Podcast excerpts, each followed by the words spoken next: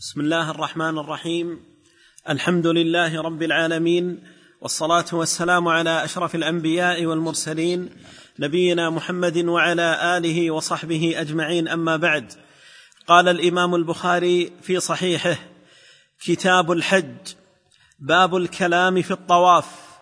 حدثنا إبراهيم ابن موسى قال حدثنا هشام أن ابن جريج أخبرهم قال أخبرني سليمان الأحول أن طاووسا أخبره عن ابن عباس رضي الله تعالى عنهما أن النبي صلى الله عليه وسلم مر وهو يطوف بالكعبة بإنسان ربط يده إلى إنسان يسير إلى إنسان بسير أو بخيط أو بشيء غير ذلك فقطعه النبي صلى الله عليه وسلم بيده ثم قال قده بيده. نعم.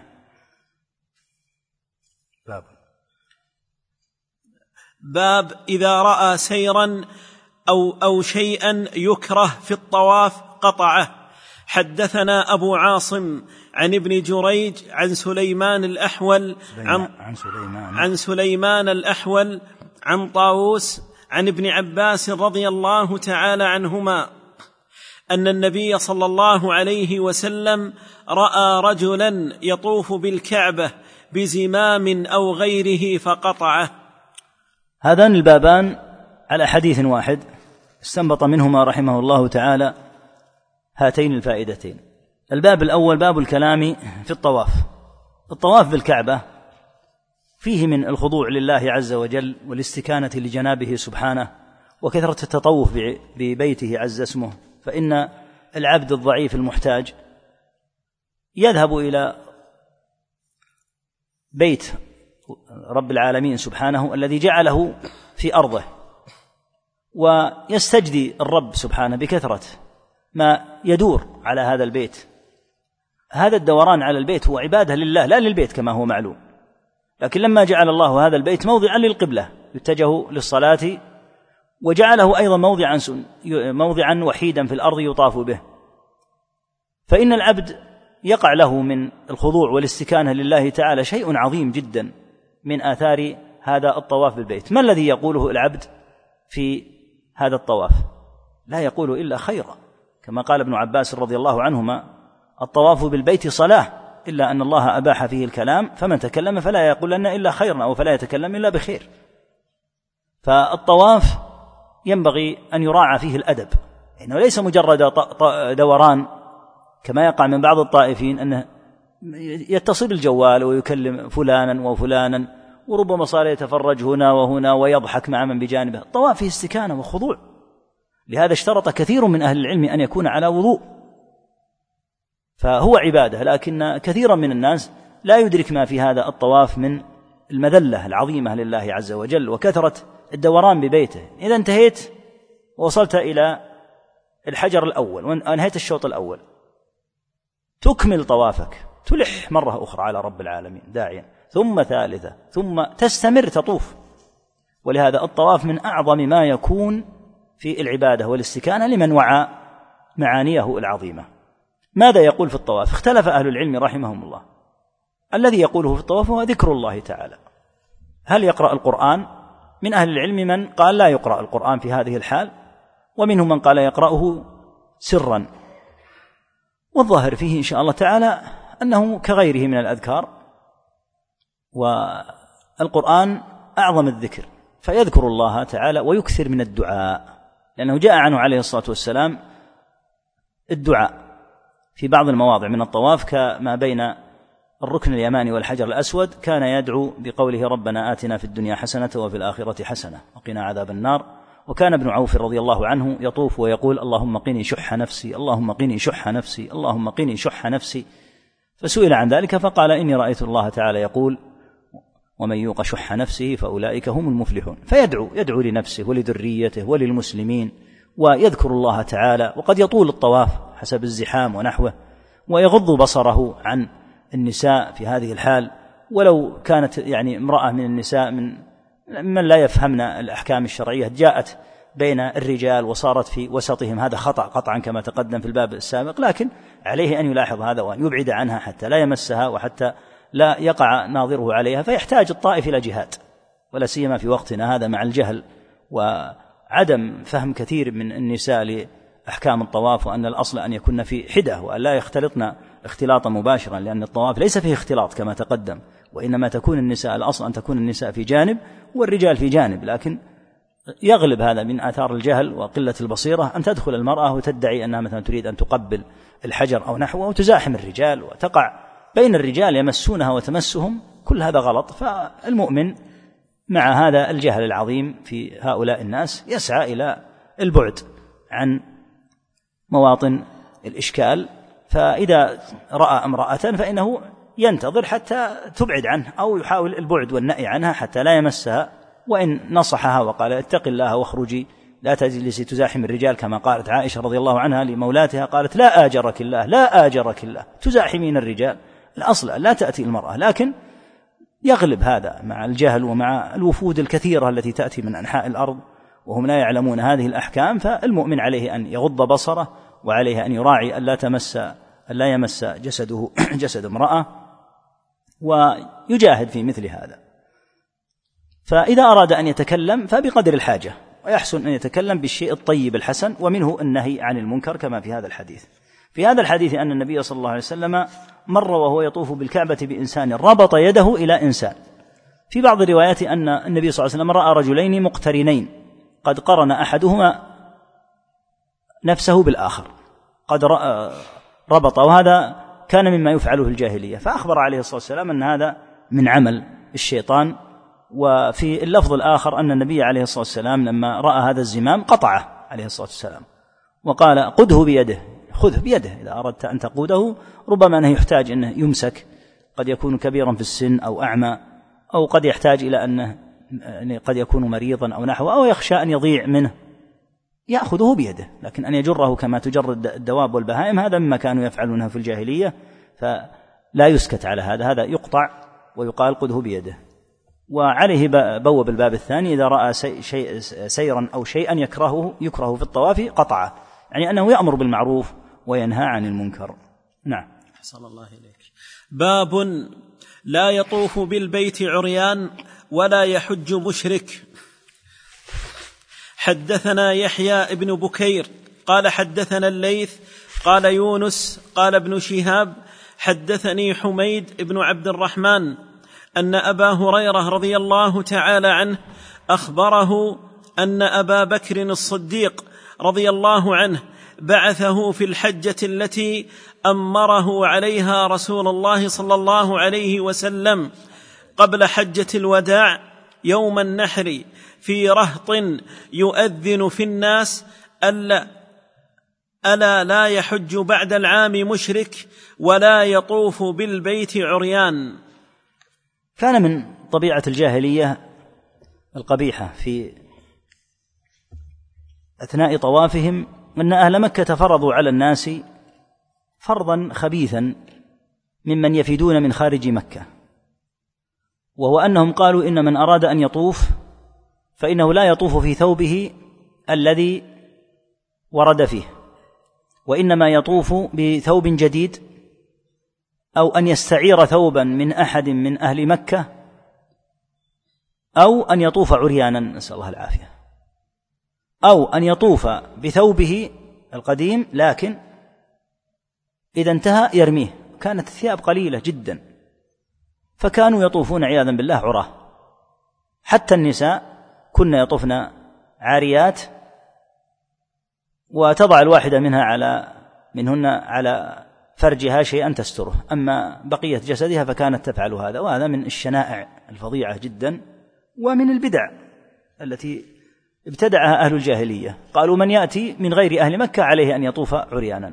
وهذا يدل على شيء من أيضا تسلط وتصلب الجاهليين من أهل مكة في الجاهلية وأنهم كانوا يؤذون الناس ويتسلطون عليهم كما لذلك وقائع من اضطهادهم لمن يأتي من الآفاق وظلمهم حتى وضع مجموعة من أهل مكة آه، حلف الفضول وهو أن يقوموا على كل من تعدى على رجل آتي من الآفاق ونحو ذلك فهذا مما ابتدعوه. النبي صلى الله عليه وسلم عام تسع أمر أبا بكر وهذا اللفظ مهم أمر أبا بكر على الحجة لأن الشيعة تقول إن الأمير على الحجة هو علي وكذبوا. ليس الأمير عليا رضي الله عنه بل كان مأمورا وتحت ولاية أبي بكر رضي الله عنهما. وهذا من الدلائل القوية على إمارة الصديق رضي الله عنه لأن عليا كان واحدا من رعايا الصديق عام تسع. فأرسل النبي صلى الله عليه وسلم أبا بكر أميرا على الحج الحج لا بد أن يكون فيه أمير. ما يصلح أن يحج الناس هكذا دون قيادة لا بد. ولهذا تجد مثلا الآن لا بد أن يقود الحج أحد. فيكون مثلا الأمير في مكة هو الذي يقود الناس. ما يقال للناس حجوا انطلقوا. لا بد من أمير. لا بد من أمير على الحج. فأمر النبي صلى الله عليه وسلم أبا بكر الصديق على الحج عام تسع. ولم يحج صلى الله عليه وسلم مع أنه فتح مكة عام ثمان لأن المشركين كانوا يحجون وبقيت لهم بعض العهود فكانوا يأتون ويحجون بطريقتهم الجاهلية. فأمر عليه الصلاة والسلام أبا بكر أن ينادي وأرسل أبو بكر منادين. منهم علي رضي الله عنه ونادى علي أيضا ببراءة بقراءة سورة براءة التي فيها نبذ عهود المشركين إليهم ونادوا بهذه الكلمات ألا يحج بعد العام مشرك ولا يطوف بالبيت عريان ولا يدخل الجنة إلا نفس مؤمنة ومن كان له عهد فعهده إلى مدته يعني أنهم ستنبذ العهود بعد انتهاء المدة التي بين النبي صلى الله عليه وسلم وبين المشركين. الشاهد منه قوله ولا يطوف بالبيت عريان فهذا لا يحل بتاتا. وكان للمشركين بدع وضلالات منها قوله تعالى وما كان صلاتهم عند البيت إلا مكاء وتصدية كانوا إذا طافوا إذا إذا صلوا عند البيت وكذا في الطواف يصفرون ويصفقون. هذا صلاتهم كما قال تعالى وما كان صلاتهم عند البيت إلا مكاء. وفي الطواف يلزمون الناس ممن ليسوا من أهل مكة بأن يطوفوا عراة. فكانوا مفسدين للمسجد الحرام ومفسدين لهذه المناسك العظام حتى طهر الله البيت من رجسهم. نعم. باب إذا وقف إذا وقف في الطواف. وقال عطاء رحمه الله تعالى في من يطوف فتقام الصلاة أو أو يدفع عن مكانه إذا سلم يرجع إلى حيث قطع عليه ويذكر نحوه عن ابن عمر وعبد الرحمن بن أبي بكرة عن ابن عن ابن عمر. عن ابن عمر وعبد الرحمن بن أبي بكر رضي الله تعالى عنهم. نعم. يعني إذا كنت تطوف ثم أقيمت مثلا الصلاة وقد قطعت نصف الشوط الأول فلما صليت هل تحتسب هذا الشوط وتكمل بعد الصلاة أو هذا الشوط قد قطع عليك ولا بد أن تعيد من جديد؟ قولان لأهل العلم رحمهم الله منهم من يقول إنك إذا قطعت الطواف فإن هذا الشوط الذي قطعته لا تحتسبه وإنما تعود من جديد. والقول الثاني وهو قول كثير من أهل العلم وقول شيخنا الشيخ باز رحمه الله أن الصواب أنها إذا أقيمت الصلاة فإنه يواصل من مكانه. لا يحتاج أنه يعود. والقول بأنه يعيد فيه صعوبة كبيرة ولا سيما في وقت الزحام. فمثلا لو كان يطوف من آخر الليل في الحج أو في العشر الأخيرة من رمضان قد يستغرق الطواف الشوط الواحد. بعض الأحيان قد يستغرق له نصف ساعة وربما استغرق خمسا وأربعين دقيقة. فإذا قيل إنه لما أذن الفجر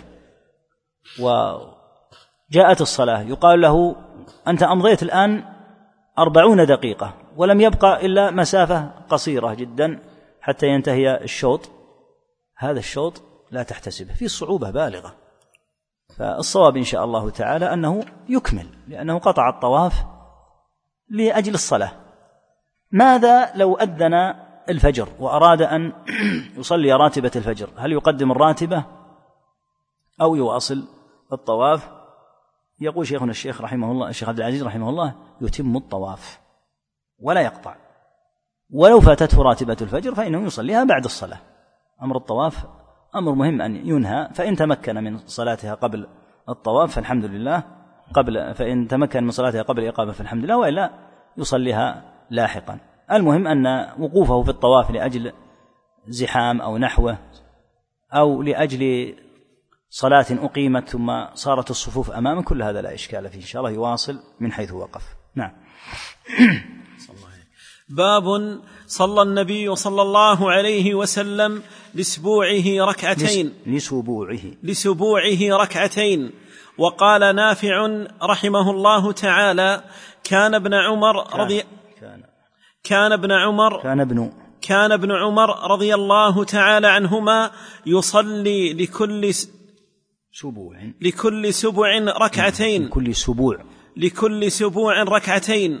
وقال إسماعيل ابن أمية قلت للزهري إن عطاء يقول تجزئه المكتوبة من ركعتي الطواف. فقال السنة أفضل. لم يطف النبي صلى الله عليه وسلم سبوعا قط إلا صلى ركعتين. نعم. السبوع هو الأسبوع يعني سبعة الأشواط. تسمى سبوعا وهي لغة قليلة في الأسبوع. كلما فرغ من سبعة أشواط فإنه يصلي ركعتين. هذه هي السنة. وبعض أهل العلم يرى أنها على سبيل الوجوب. لكن الصواب إن شاء الله تعالى أنها على سبيل السنية. فإذا صلى فإذا طاف سبعة أشواط فإنه يصلي ركعتين. هل تجزئه المكتوبة؟ يعني لو أنه حضرت الظهر أو العصر أو الفجر يقال يكفيك. صليت بعد الطواف هذا صليت ما يصح أن يكون أربع ركعات أو ثلاث أو ركعتان. الصواب إن شاء الله أن هذه سنة مستقلة لا علاقة لها بالصلاة المكتوبة. فلو أنه جاء عنده همة أو كان هناك زحام وقال الآن أنا أنهيت سبعة أشواط فبدلا من أن أقطع الطواف وأصلي ركعتين ثم أرجع مرة أخرى سأواصل.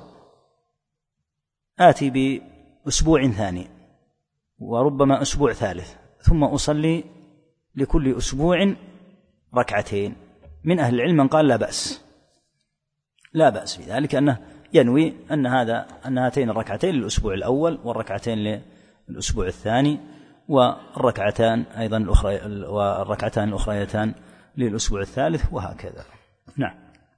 حدثنا قتيبة ابن سعيد قال حدثنا سفيان عن عمرو قال سألنا ابن عمر رضي الله تعالى عنهما أيقع الرجل على امرأته في العمرة قبل أن يطوف بين الصفا والمروة قال قدم رسول الله صلى الله عليه وسلم فطاف بالبيت سبعا ثم صلى خلف المقام ركعتين وطاف بين الصفا والمروة وقال لقد كان لكم في رسول الله أسوة حسنة. قال الشاهد هنا قوله ثم صلى خلف المقام ركعتين. هذا هو الشاهد للباب. صلى النبي صلى الله عليه وسلم لسبوعه ركعتين. هذا معروف عنه عليه الصلاة والسلام أنه بعد أن طاف سبعا صلى خلف المقام ركعتين. لكن المسألة هذه هل للرجل إذا طاف بين الصفا والمروة أن يجامع زوجته؟ ليس له ذلك لأنه لا يزال في لا, لا يزال في العمرة. فلو فعل ذلك لكان قد وقع على امرأته وهو معتمر. هذا لا يحل حتى يفرغ تماما من العمرة. فلو أنه طاف بالبيت سبعا ثم وقع على امرأته قبل أن يسعى بين الصفا والمروة فإنه يأثم وليس له ذلك وأفسد عمرته في هذه الحال وإنما إذا فرغ من عمرته تماما وخرج منها. لهذا قال ابن عمر رضي الله عنهما قدم النبي صلى الله عليه وسلم فطاف بالبيت سبعا ثم صلى خلف المقام ركعتين وطاف بين الصفا والمروة وقال لقد كان لكم في رسول الله أسوة حسنة. نعم. قال وسألت جابر بن عبد الله رضي الله تعالى عنهما فقال لا يقرب امرأته حتى لا يطوف. لا يقرب. لا يقرب امرأته حتى يطوف. امرأته. امرأته حتى يطوف بين الصفا والمروة. نعم هذا الصحيح نعم. باب من لم يقرب من لم يقرب الكعبة ولم يطف حتى يخرج إلى عرفة ويرجع بعد الطواف الأول. حدثنا محمد ابن أبي بكر قال حدثنا فضيل قال حدثنا موسى ابن عقبة قال أخبرني كريب عن عبد الله بن عباس رضي الله تعالى عنهما قال قدم النبي صلى الله عليه وسلم مكة فطاف وسعى بين الصفا والمروة ولم يقرب الكعبة بعد طوافه بها حتى رجع من عرفة. نعم هذا بالنسبة للحاج. إذا طاف لأول قدومه فإنه ينشغل في أعمال الحج يتجه إلى منى بعد منى يتجه إلى عرفة ثم من عرفة إلى مزدلفة ثم مزدلفة إلى منى ويرمي الجمرات وهكذا يقول إنه ينشغل. لذلك النبي صلى الله عليه وسلم لم يقرب الكعبة ولم يطف يعني بعد أن قدمها عليه الصلاة والسلام حتى يخرج إلى عرفة. فلما خرج إلى عرفة واتم عليه الصلاة والسلام بعد ذلك أعمال يوم النحر بمنى من الغد وبات قبل ذلك بمزدلفة تلك الليلة ليلة العيد. بعد ذلك أتى مكة عليه الصلاة والسلام. نعم المقصود أن النبي صلى الله عليه وسلم لم يتطوع لم يطف طوافا تطوع فيه عليه الصلاة والسلام في حجه فيما بين طوافه الأول وفيما أثناء يعني حتى رجع عليه الصلاة والسلام من عرفة. نعم. باب من صلى ركعتي الطواف خارجا من المسجد. وصلى عمر رضي الله تعالى عنه خارجا من الحرم. حدثنا عبد الله بن يوسف. قال أخبرنا مالك عن محمد بن عبد الرحمن عن عروة عن زينب عن أم سلمة رضي الله تعالى عنها قالت شكوت إلى رسول الله صلى الله عليه وسلم وحدثني محمد بن حرب قال حدثنا أبو مروان يحيى ابن أبي زكريا الغساني عن هشام عن عروة عن أم سلمة رضي الله تعالى عنها زوج النبي صلى الله عليه وسلم أن رسول الله صلى الله عليه وسلم قال وهو بمكة وأراد الخروج ولم تكن أم أم سلمة طافت بالبيت وأرادت الخروج. فقال لها رسول الله صلى الله عليه وسلم إذا أقيمت صلاة الصبح فطوفي على بعيرك والناس يصلون. ففعلت ذلك فلم تصل حتى خرجت. تقدم حديث أم سلمة رضي الله عنها وتقدم شرحه. الشاهد منه قوله في آخر الحديث فلم تصلي حتى خرجت. أخذ عليه أخذ منه فائدة بوب عليها. باب من صلى ركعتي الطواف خارجا من المسجد. يعني ما الحكم؟ لو أنه طاف آه، طاف الأسبوع كاملا سبعة الأشواط. ثم لم يصلي لا خلف المقام ولا في أي موضع من الحرم. هل يجزئ؟ يجزئ. يجزئ إن شاء الله ما فيه إشكال. لكن الأفضل في ركعتي الطواف أن تكون خلف المقام. فإن لم يتيسر ذلك لشدة الزحام ولكونه قد يضر الطائفين ويتسبب ذلك في زحام شديد لهم وربما وقع بعض الطائفين بسبب أنه لم يتفطن لهذا الساجد. ربما عثر وسقط تضرر الطائف وربما تضرر المصلي. إذا كان الأمر إلى هذا الحد فإنه يصلي في أي موضع من الحرم يرجع ويصلي وهو ربما أدعى لخشوعه بينما إذا كان يصلي عند المقام فهذا رجل يذهب من أمامه وهذه امرأة تذهب من أمامه وهذا إذا أراد أن يسجد وإذا بالأرجل أمامه يجد صعوبة في مثل هذه الحالة فهو يصعب أن عليه أن يصلي والناس أيضا يضيق عليهم هو بصلاته في هذا الموضع. فيصلي في أي موضع من الحرم. لو أنه لم يتيسر له كأن يكون مثلا مع رفقة فأرادوا أن يخرجوا فقال أنا ما صليت الركعتين لا تفتك الرفقة هذه. اذهب وإذا وصلت إلى موضعكم فصلي ولو خارج المسجد الحرام. وهذا يأتينا إن شاء الله في صلاة عمر خارجا من المسجد. نعم.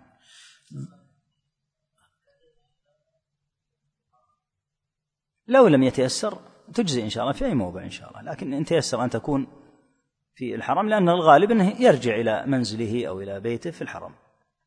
نعم. باب من صلى ركعتي الطواف خلف المقام. حدثنا آدم قال حدثنا شعبة قال حدثنا عمرو بن دينار قال سمعت ابن عمر ابن عمر رضي الله تعالى عنهما يقول قدم النبي صلى الله عليه وسلم فطاف بالبيت سبعا وصلى خلف المقام ركعتين ثم خرج إلى الصفا وقد قال الله تعالى لقد كان لكم في رسول الله أسوة حسنة. نعم المشروع أن يصلي ركعتين خلف المقام. وقد يحصل هذا ويسهل في بعض الأوقات. قد يكون في مثلا آخر الليل وبعض الأحيان يكون بسبب شدة الحر يقل آه، الطائفون. فبعض الناس قد يسهل عليه أن يطوف ثم يصلي وفي بعض الأحيان لا يكون هناك مواسم يكثر فيها فهو الأفضل الأفضل أن يصلي خلف المقام. لكن إذا لم يتيسر له ذلك فإنه بإذن الله تعالى يؤجر على على مقصده ونيته أنه يريد السنة وإبعاده عن أذية إخوانه المسلمين أيضا يؤجر عليه إن شاء الله تعالى. فالأصل أنها تصلى خلف المقام لمن تمكن فإذا لم يتيسر ذلك فإنه لا بأس لو صلاها في أي موضع كما تقدم. نعم. أحسن الله إليك. باب الطواف بعد الصبح والعصر. وكان ابن عمر رضي الله تعالى عنهما يصلي ركعتي الطواف ما لم تطلع ما لم تطلع الشمس. وطاف عمر رضي الله تعالى عنه بعد الصبح فركب حتى صلى الركعتين بذي طوى. نعم. هل يصلح أن يطوف بعد الصبح وبعد العصر؟ وإذا طاف بعد الصبح وبعد العصر فهل يصلح أن يصلي الركعتين ركعتي الطواف؟ لماذا بعد الصبح وبعد العصر؟ لأن هذين الوقتين وقتا نهي كما هو معلوم. فمن أهل العلم من يقول إنه لا يطاف بعد العصر ولا يطاف بعد الفجر. حتى تطلع الشمس بعد الفجر وحتى تغرب الشمس بعد العصر. ولا شك أن هذا قد يكون فيه صعوبة. فالآن الحجاج قد يكونون بالملايين. ومع كونهم يطوفون طوال الوقت ولا ينقطع الطواف عن البيت أربعا وعشرين ساعة لا يوجد فيها دقيقة ما فيها طائف. فكيف لو قيل لهم لا تطوفوا بعد العصر؟ وبعد العصر في الصيف ثلاث ساعات. ولا تطوفوا بعد الفجر. ويمكثون نحو من في هذه الحالة نحو من الساعة أو الساعة والنصف. فمعنى ذلك أن نحو من ربع النهار سيمنع الناس من الطواف فيه. ولا شك أن في هذا صعوبة. فبعد العصر لا إشكال إن شاء الله تعالى في الطواف فيه وهكذا بعد الصبح والحرم له أحكام خاصة. ومن ضمنها أن من طاف بعد العصر ومن طاف بعد الصبح فإنه على قول عدد من أهل العلم فإنه يصح له أن يصلي بعد العصر ركعتي الطواف وبعد الفجر ركعتي الطواف حتى لو كان وقت نهي. واستدلوا بحديث فيه أن النبي صلى الله عليه وسلم قال يا بني عبد مناف لا تمنعوا أحدا آه، طاف بهذا البيت لا تمنعوا أحدا طاف بالبيت أي ساعة شاء من ليل وصلى أي ساعة شاء من ليل أو نهار. قالوا إن هذا يدل على صحة أن يطوف في أي وقت وأن يصلي في أي وقت. وقالوا إن هذا خاص بالحرم. وعلى هذا لا بأس أن يصلي ركعتي الطواف حتى بعد العصر لأنهما من ذوات الأسباب. لكن هل يتنفل؟ هكذا إنسان جالس في المسجد الحرام لما جاء بعد العصر كبر ليصلي. لا ليس له ذلك ولا بعد الفجر أيضا ليس له ذلك. لكن إذا طاف فإنه لا بأس أن يصلي. فإن قلت لما فالجواب أولا الحديث السابق والأمر الآخر أنه كثير من الآتين إلى مكة يسافرون. يعني قد يأتي ليأخذ عمرته ويسافر قد قد يكون في آخر حجته ويسافر. فإذا قيل له لا تطف فإن معنى ذلك أنه إذا لم يتمكن من الطواف في الظهر وقد يكون الحر شديدا فمعناه أنه ينتظر الصباح لا يسافر والظهر حر والعصر منهي عنه فلا يتأتى له ذلك إلا بعد المغرب وهذا فيه مشقة. بل يقال يطوف سواء بعد العصر أو بعد الفجر إن شاء الله ولا حرج ويصلي أيضا الركعتين ركعتي الطواف بعد العصر وبعد الفجر. أما أوقات النهي لو قال أن الآن سأتنفل نفلا مطلقا يقال بعد العصر الأصل أنه منهي عنه في الحرم وفي غيره. ثم ذكر أن عمر رضي الله تعالى عنه صلى صلاة الصبح فركب حتى صلى الركعتين بذي طوى.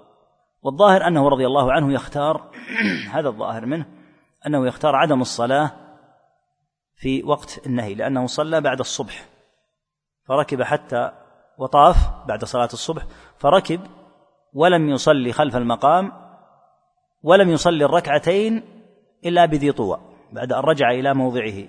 وهذا يدل على أمرين الأمر الأول أن الظاهر من فعله إذا لم يكن هناك شيء استعجله أنه لا يرى الركعتين في وقت النهي وهو قول لبعض أهل العلم. والثاني أنه يصح أن تصلى الركعتان كما قلنا في الباب السابق في غير المسجد الحرام لأن ذي طوى ليس من المسجد ليس من المسجد يعني المقصود ليس عند الكعبة ليس خلف المقام ولا داخل المسجد. نعم. حدثنا الحسن بن عمر البصري قال حدثنا يزيد بن زريع عن حبيب عن عطاء عن عروة عن عائشة رضي الله تعالى عنها أن ناسا طافوا بالبيت بعد صلاة الصبح ثم قعدوا إلى المذكر حتى إلى إلى المذكر يعني الواعظ الذي يعظ. نعم. ثم قعدوا إلى المذكر حتى إذا طلعت الشمس قاموا يصلون. فقالت عائشة رضي الله تعالى عنها قعدوا حتى إذا كانت الشمس حتى إذا كانت الساعة التي تكره فيها الصلاة قاموا يصلون. نعم الظاهر أنهم لما طافوا بعد صلاة الصبح ثم جلسوا إلى المذكر وهو الذي يعظ لما طلعت الشمس صلوا مباشرة. وهذا غير سليم ليس بصحيح. إذا طلعت الشمس تصلي إذا قيل إنه يصلي بعد الفجر وأن الوقت هنا وإن كان وقت نهي فإنه يغتفر فليس المقصود أن تنتظر مدة ساعة حتى إذا رأيت الشمس خرجت صليت لأن هذا منهي عنه إذا أن يصلى إذا خرجت الشمس. لكن المقصود أن وقت النهي بعد الفجر معلوم أنك إذا صليت الفجر فإنه وقت نهي. فإذا طفت ربما تستغرق في طوافك ربع ساعة نصف ساعة لا تزال الشمس لم تخرج. صلي في هذا الوقت لا بأس. لكن أن تنتظر وتجلس إلى المذكر تستمع فلما طلعت الشمس ذهبت تصلي خطأ. لذا أنكرت عليهم ولذا قالت قعدوا حتى إذا كانت الساعة التي تكره فيها الصلاة قاموا يصلون. لماذا لم يصلوا؟ وبعد أن صلوا جلسوا إلى المذكر. أو إلى إذا أراد الذهاب إلى درس أو نحوه صل. ثم تأتي إلى الدرس. أو صل واجلس عند في الدرس حتى إذا ارتفعت الشمس قيد رمح صلي. لكن لا تصلي حين تطلع لأنها حين تطلع منهي عن الصلاة في هذا الوقت. نعم. حدثنا إبراهيم ابن المنذر قال حدثنا أبو ضمرة قال أبو حدثنا موسى. حدثنا أبو أبو ضمرة. ضمرة. نعم. قال حدثنا موسى ابن عقبة عن نافع أن عبد الله رضي الله تعالى عنه قال سمعت النبي صلى الله عليه وسلم ينهى عن الصلاة عند طلوع الشمس وعند غروبها. نعم ينهى عن الصلاة عند طلوع الشمس وعند غروبها. هذا الحديث المعروف وأخبر أنها تطلع بين قرني شيطان. فالأصل أن الصلاة تجوز في كل وقت. إلا في الأوقات المنهي عنها. فمثلا إذا صليت المغرب لك أن تصلي ما شاء الله إلى العشاء. صليت العشاء لك أن تصلي إلى الفجر. لكن لا بد أن ينام الإنسان حتى لا يواصل. يجلس هكذا طوال الليل يصلي. ينام ما شاء الله تعالى ويصلي. إذا صليت الفجر ينهى عن الصلاة بعد الفجر. حتى تطلع الشمس وترتفع قيد رمح. فإذا مضى نحو من ربع الساعة أو أقل ربما نحو من اثنتي عشرة دقيقة فإنك تصلي. ثم لك أن تصلي في فترة الضحى الوقت هذا كله متاح إلى الظهر. من صلاة الظهر إلى صلاة العصر كله متاح. لكن إذا صليت العصر فإنه وقت نهي. فكان صلى الله عليه وسلم ينهى عن الصلاة عند طلوع الشمس وهذا وجه الإنكار على من الذي أنكرته عائشة رضي الله عنها على الذين جلسوا عند المذكر فلما طلعت الشمس صلوا. لا تصلي عند طلوع الشمس لا بد أن ينتظر. ولهذا من يجلس بعد صلاة الفجر فإنه لا يصلي إذا طلعت الشمس. لا يصلح. وإنما يصلي بعد أن ترتفع نحو من ربع ساعة أو اثنتي عشرة دقيقة تكفي إن شاء الله تعالى. نعم. حدثني الحسن ابن محمد هو الزعفراني. قال حدثنا عبيدة ابن حميد. عبيدة قال ولا عبيدة؟ بالضم هنا يا شيخ. نعم. قال حدثني عبد العزيز بن رفيع قال رأيت عبد الله بن الزبير رضي الله عنهما يطوف بعد الفجر ويصلي ركعتين. نعم وهذا يدل على أنه يختار القول الثاني أنه لا بأس أن يصلي أن أن يطوف بعد الصلاة ويصلي لكن لا يتحرى إذا طلعت الشمس. لا. إذا انتهى من طوافه في ربع ساعة في ثلث ساعة يصلي ويكون باقي على طلوع الشمس كثير. نعم.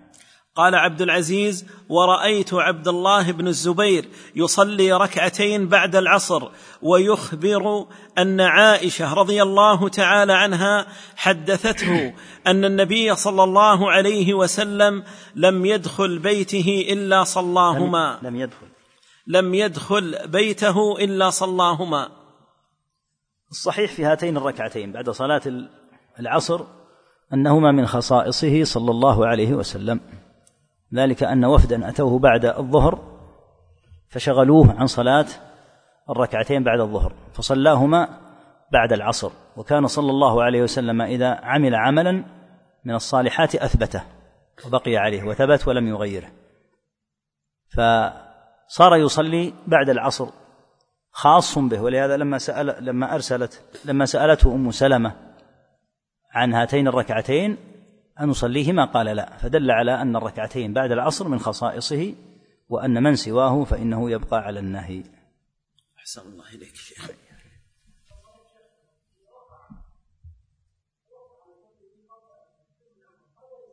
فسدت العمرة. العمرة فسدت في هذه الحالة. إيه إيه لأنها أفسد أفسدها ويلزمه ويلزمه أن يعيد. العمرة هذه فسدت نعم نعم يعيد. العمرة هذه باطلة انتهت. إيه لابد. إيه العمرة هذه فسدت. نعم.